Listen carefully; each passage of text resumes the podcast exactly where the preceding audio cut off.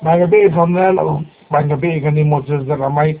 Diyos salamat sa imuhang giwali karon nga imong ikutok sa Salmo 26, versikulo 3, imong gi uluhan og misyon o insakto ang tema din sa English, gisulti man na diri nga declare His glory among the heathen.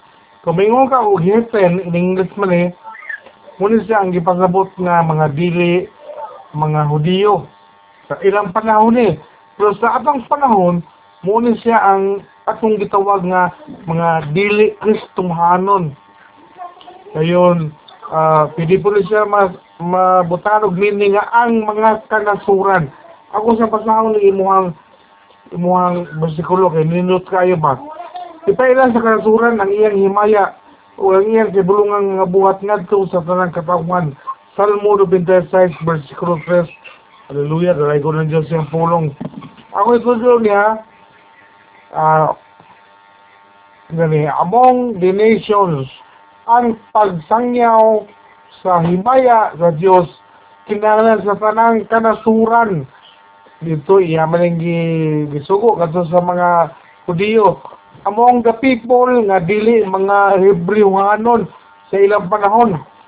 Dayon, sa tibuok sa tanang mga yuta o sa tanang nga katawan kinsa imong masugatan.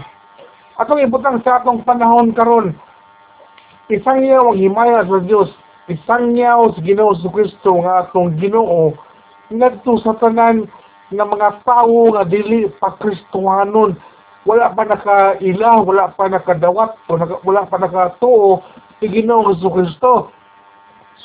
Dayon, Niingon gali si, si Sir Amay nga, apilon na to ang atong mga kaaway. Sa itong kaaway nga, lisod higong maon, lisod pasayloon.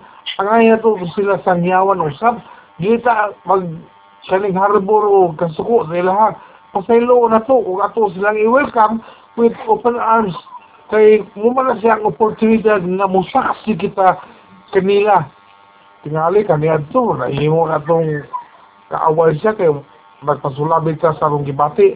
Pero ka mga Kristohano naman ta, kita gayud ang muna pag kabot kanila nga atong isangyaw kanila sige na Gusto Kristo huwag himaya sa Diyos.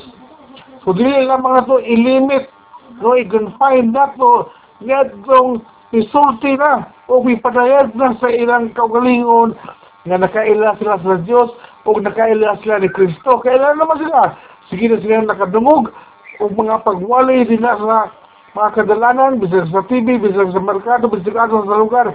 Kung dili, madto ka sa mga lugar na wala pa gayud, makaila, makadungog ni Ginoo sa Kristo. Announce it everywhere. Bukod pasabot, imo ning isang yaw ipekulo, bisag asa nga suok. Dili man ingon nga sa kalibutan, kay limitado ra kita. Bisag asa nga suok, dinhi sa tuang nasod muna nga naisgutan po ni Cesar ang may nga pagkatahom sa mga tiil nga mga nagsangyaw sa bulong sa Diyos. Kay gibutang nga kapagkatahon sa ubang mga Kristiyano nga mga to sa mga bukid-bukid. Kay gusto ipaila sa Ginoong Yesu Kristo sa mga tao nga nanimulo dito. Kay tao lahigot po sila og tinuan lahigot po sila og gigunitan nga mga pagtuo.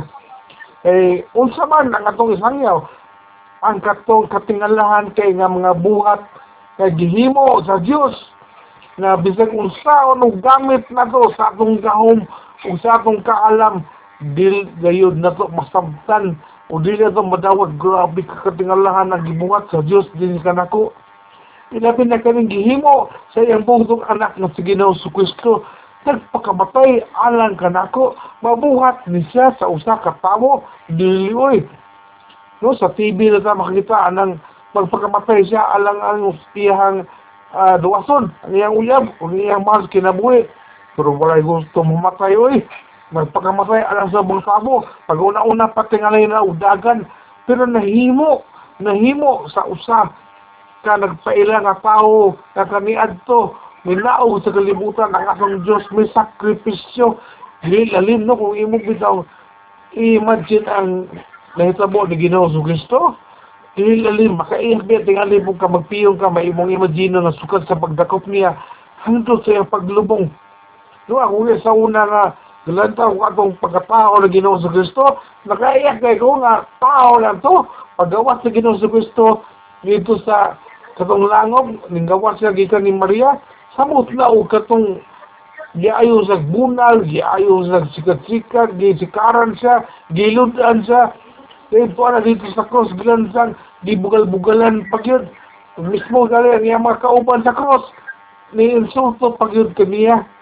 So muna mga isor, kaya nga naman, naginanglan man ako nga isangyaw kay ang katong mga tao, mga kanasuran, o katong mga dili pa Kristuhanon, wala nakaila sa tinuod nga Dios wala nakaila sa tinuod nga manluluwas wala tinuod nga pagkasulti ang ilang nailan ang bot wala nakaila wala sila kay balo. Na Jesus is the way the truth and the life. Paingon ngadto sa Dios Amahan. Wala na kinahanglan na to nga adto na to sila. O mo na ni ang panahon ni kung si Sir Amay dili gyud kinahanglan nga. Mo gasto gyud kag singot mo gasto kag kwarta. Kay ah mamagay ako nalungan ko. Adto ko dito. Samok si paminaw na magwali sig balik-balik nga mo sangya gyud wala. Na mga higayon nga. Bisan ka na lang mismo imong kaubod sa trabaho. Bisan ka na lang mismo imong kining mauban sa usa ka sakyanan.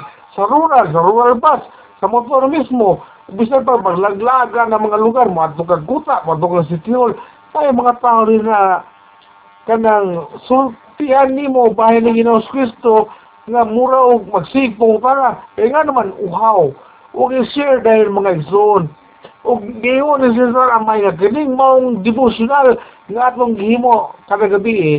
Mo ni siya igsoon ang atong preparation. Dugay na kayo ang atong preparation mga igsoon daghan na ta og nahibaluan daghan na ta og nakuha nga mga pagdasig. No nagiiya na dasig sa atong mga isig kaisunan nga na salmo atong Bible study. So pwede na walay problema. Pwede o ka na magtinagura. Pwede o magbalong kag Bible. Dayon aron makapatulong kag kaisog magampo kadaan nga tultulan ka unsaon nimo pagsulti. Dayon ang gibutang dinhi nako sa katapusan nga ang ato ang mission work. Giuluhan gitimahan mo nini sa mayong mission. Ang ato ang mission work nagpakita lamang sa atong motibo sa atong pagdayig o sa butang nagita kanunay din nga nagdayig o nagsimba na ginawang sa Kristo. Kay mo mo na. So akong ibakapan gini mga isuon kay na may uban na to nga mangita magyud nga tinuod ka na. O bakapan ako. Matthew 28 versikulo 19 basahon sa kadiyot na tungod nini sa inyong pagpanglakaw himuha nga akong mga tinunan na sa katawan sa tibok kalibutan. Bunyagi sila sa ngalan samahan sa anak o sa Espiritu Santo. Ang kani mo iunani bitaw nga paghatag ni Ginoo sa Kristo tugo nga bunyagan. Nagpasabot naman hinuon karon naghimo na sa mga kasimbahanan. Nga bunyagan ug dito na sa ilang simbahan dili na mao. Gipaila nimo ang Santisima Trinidad nga imo silang gipadawat nga maghunahuna sila nga ikaw pag humani mo paghinusol nagpalayag ka nga magpabunyag ka. Huwag niya timailhan nga misaad na ka na dili na ka mobalik sa imong kani kinabuhi kani adto. Dili ba na nga oh nabunyagan na ka anhin na ka sa mong simbahan ha? Simba na ka na namisto mo man kinahimo ka na sa mga simbahan. Pagka dako nga kadang nahimo nga di maayo sa mga kristuhanon dili ingon ana dili pagkaganay kundi quantity o ang pagtubo sa sa kasimbahan dili man ingon nga padaghanay og tabo. Kung dili ang sakto nga pagtubo sa simbahan ang ihang mga manimbahay ihang mga tinunan puros na himong mga hamtong usaw manimo ng daghan kay manimba puros mga tilibagbag ganina na ay katong nagpost sa Facebook nga katong anak sa kumaisno nga naglagot siya kay gitambangan siya o ganing daot. Sa mga kauban na po sa simbahan o dalang siya na komentaryo kay dito niya nga iyang mga iyaan kung kubang mga pastor. Ako naniid lang ko yung pagkaluoy ingon ani gyud ang mahitabo sa usa ka Kristohanon mo tambagan. Kaya tambangan ka sa simbahan bisan og hamtong nagali nga manimbahay. Kaya nga naman nagpatuo nga sila hawod grabe ang ilang garbo. Kung ikaw na kay katungtanan nga magdala ka usa ka kaning grupo din na katawan pipila ka katawan sa simbahan wala ka nagpasabot igsuon nga yapakan na nimo ang katungod sa imong kauban nga magtotoo sa simbahan. Nga imo na silang tauton ikaw Panginoon ang angay nga magpaubos. Dili kay ang katong imong mga gipangdalang katawan kanunay nga manghangad nimo dili na mao ang prinsipyo ni Ginoong Kristo niya. Giingon ka na to nga kung katong gusto nga mahimong pantugan siya ang mualagad. Dili kay siya ang alagaran na bali man hinuon. Mo na natanawan niya dong anak sa kong maestro. O mao po na ako natanawan dugay na. So iampo ako na may una nga ma liho kay labi na og ay mga daghan po nga mga bag-o pa o bisan gali nga mga dugay na pero bag-o pa gyapon mga nauna wala katubo kay wala may nanudlo nila wala apil-apil ug tama niini So, stagnant ang kaning spiritual life. So, sa mo na to ni nga, mao na nga uban, managana, managana ka, halis, dati suguan na nga, mga buta, walay kalibutan gali, o mukutlo, pag yun aning pagutlo, ato dili nga manglakaw ta, aman manglakaw, manglakaw ta skuta, kung gusto mo dito, kung ito tag-snack, lahi may tuyo noon, ang tuyo, kung mahimo, sangyaw, kay every minute na amang kay oportunidad nga ipatubang ka sa Ginoo sa ngayon mong sangyawan tabangan kita sa balang espiritu.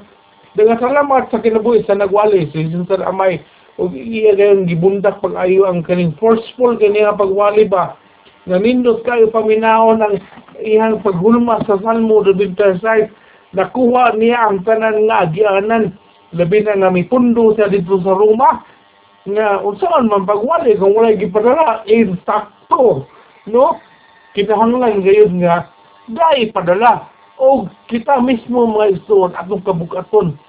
Nga oh kani Ginoo ipadala ko Ginoo kay akong sangyawan tong wala na adto sa ba natong mga istuon himo ako Ginoo di ba kaning uh, niingon bitaw si ang Ginoo nga kinsa may akong ipadala abti kay si Isaiah Lord Here I am, send me. Ginoo, adi ako, ipadala ko. Inguna na unta mga liso ng atuan. Isulti sa Diyos, kinsa may akong ipadala nga mo imusangyaw dito sa sinusa. Luroy, Ginoo, ni ako. Ako nang agwan taon Ginoo, uban nilang ko. Wala akong nagpagad sa imong gante. Kung dili magpalayo na ako magdawat sa imong grasya, Lord. Himuon ako nagkabukaton. Kabangan ako ginawa nga mo simbahan nga kabuuso na mo tungkol sa bukid sa sinusa nga aron makailaw usab sila kanimo. Dalay ko ng Diyos na kinabuhi nila tanan sa tumala. Kamusad, mga isuon ako sa kalasan nga naadra sa Cebu. Kag kita nga, nagpadayon kita nga nagtuon ngayon. O, nasayod ako nga niining tungura na nagitayin na tunan. Pag-ampo, ta sige nga, Lord, ipadala ko ginoo. Tatagi ako ngayon nga bisan lang ngali sa akong kinabuhi, wasangyaw na ko nga ikaw, makapanghambog ako nga ako, nakaila kanimo. Gawin ko ng Diyos sa iyang pulang nga gipatay ko ng gabi una, ang uban nga mga higayon, panahon na may ulo sa itong MC. Hallelujah, Amen.